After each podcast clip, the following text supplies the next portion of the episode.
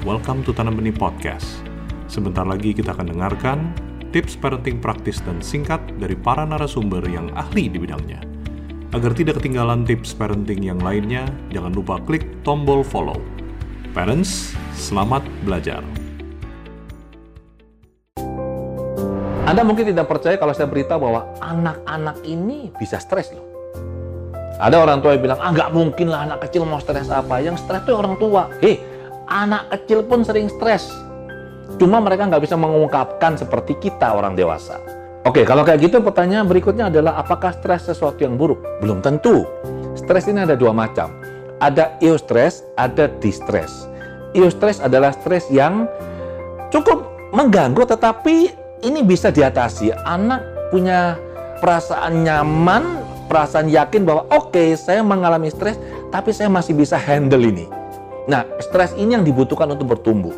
Untuk bisa punya perasaan aman, nyaman, dan bisa mengatasi stres ini, anak butuh apa? Dukungan orang tua. Misalnya, ini ada ujian. Nah, ini konteksnya anak-anak, satu hari ujiannya tiga. Kira-kira stres nggak anak?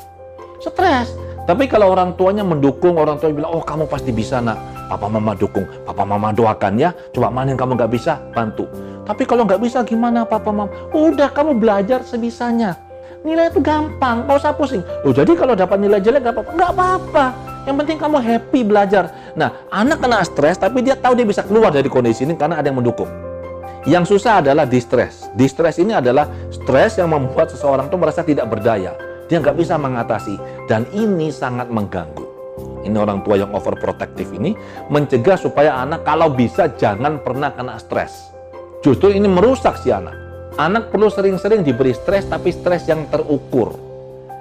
Jadi bukan kita menghindari stres, tapi kita mengelola stres. Dan ini harus diberitahu, diajarkan mulai kecil. Nah masalahnya adalah orang tua sendiri tidak ngerti bagaimana cara mengelola stres mereka. Jadi mereka menduplikasi apa yang mereka lakukan ke diri mereka kepada si anak. Akibatnya apa?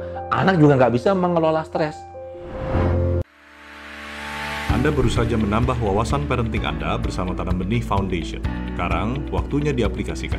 Jangan lupa follow podcast Tanam Benih di Spotify agar tidak ketinggalan parenting tips yang lainnya.